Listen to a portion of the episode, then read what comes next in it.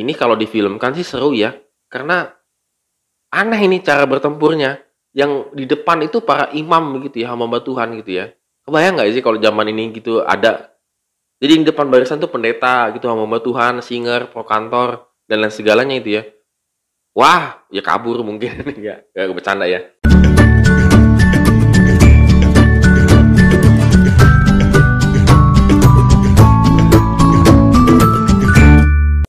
Morning good readers, hari ini kita kembali semangat untuk memulai kehidupan kita. Apa pun yang akan kita kerjakan, mari kita kerjakan dengan takut akan Tuhan.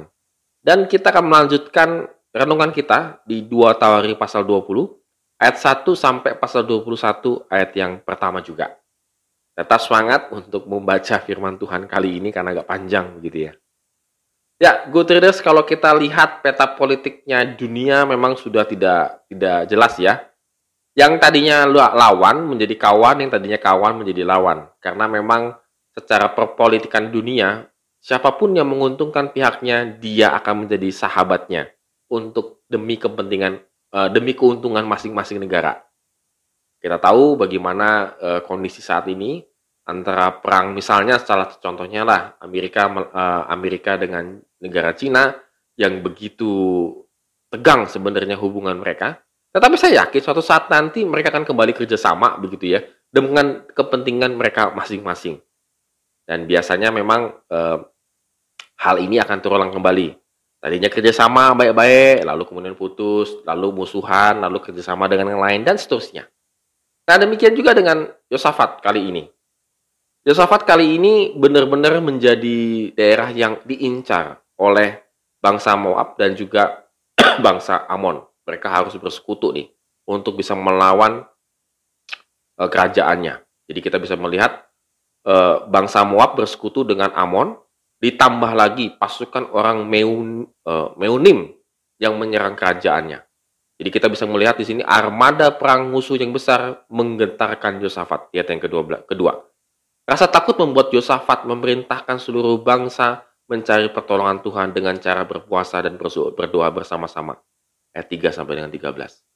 Sepertinya ini juga bisa kita lakukan, good readers. Kalau hari ini kita memiliki satu pergumulan yang sangat berat, mari kita mencari Tuhan bisa melalui doa dan juga puasa. Yahasiel, seorang penyanyi dari Bani Asaf, dihinggapi atau dipimpin oleh roh Tuhan, menyerukan bahwa Tuhan yang akan berperang untuk mereka. Dan Yosafat memimpin pasukannya ke medan perang. Namun barisan depan itu bukanlah pasukan berkuda, pemanah ataupun bertombak, melainkan kaum Lewi yang menyanyikan puji-pujian. Nyanyian syukur dan puji-pujian yang nyaring disuarakan. Dan Tuhan mengadakan menghadang musuh dan terjadilah kekacauan. Mereka malah saling membunuh satu dengan yang lainnya gitu ya. Musuh sudah kalah. Yosafat tampil sebagai pemenang dengan diiringi sukacita dan nyanyian pujian.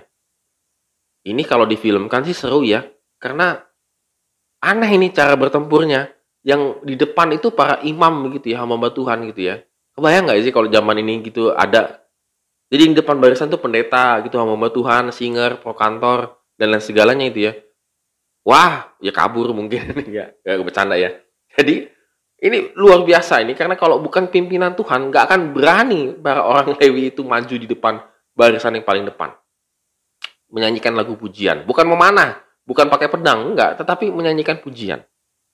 Nah, Gutiérrez kita bisa lihat di sini bahwa ini adalah luar biasanya kenyataan fakta bahwa Tuhan berperang bersama-sama dengan kita. Bahwa Tuhan berjalan bersama-sama dengan kita. Kita saja yang kadang-kadang kurang percaya kepada Tuhan. Tetapi kuncinya adalah ketika kita mencari Tuhan di dalam doa dan puasa. Kalau hikmat yang kita ambil pada cerita ini, bagian ini adalah justru ketika kita sedang menghadapi ancaman yang sangat besar dalam kehidupan kita, atau masalah yang sangat besar dalam kehidupan kita, justru kita semakin erat persekutuannya dengan Tuhan. Bukan semakin memisahkan diri dengan Tuhan.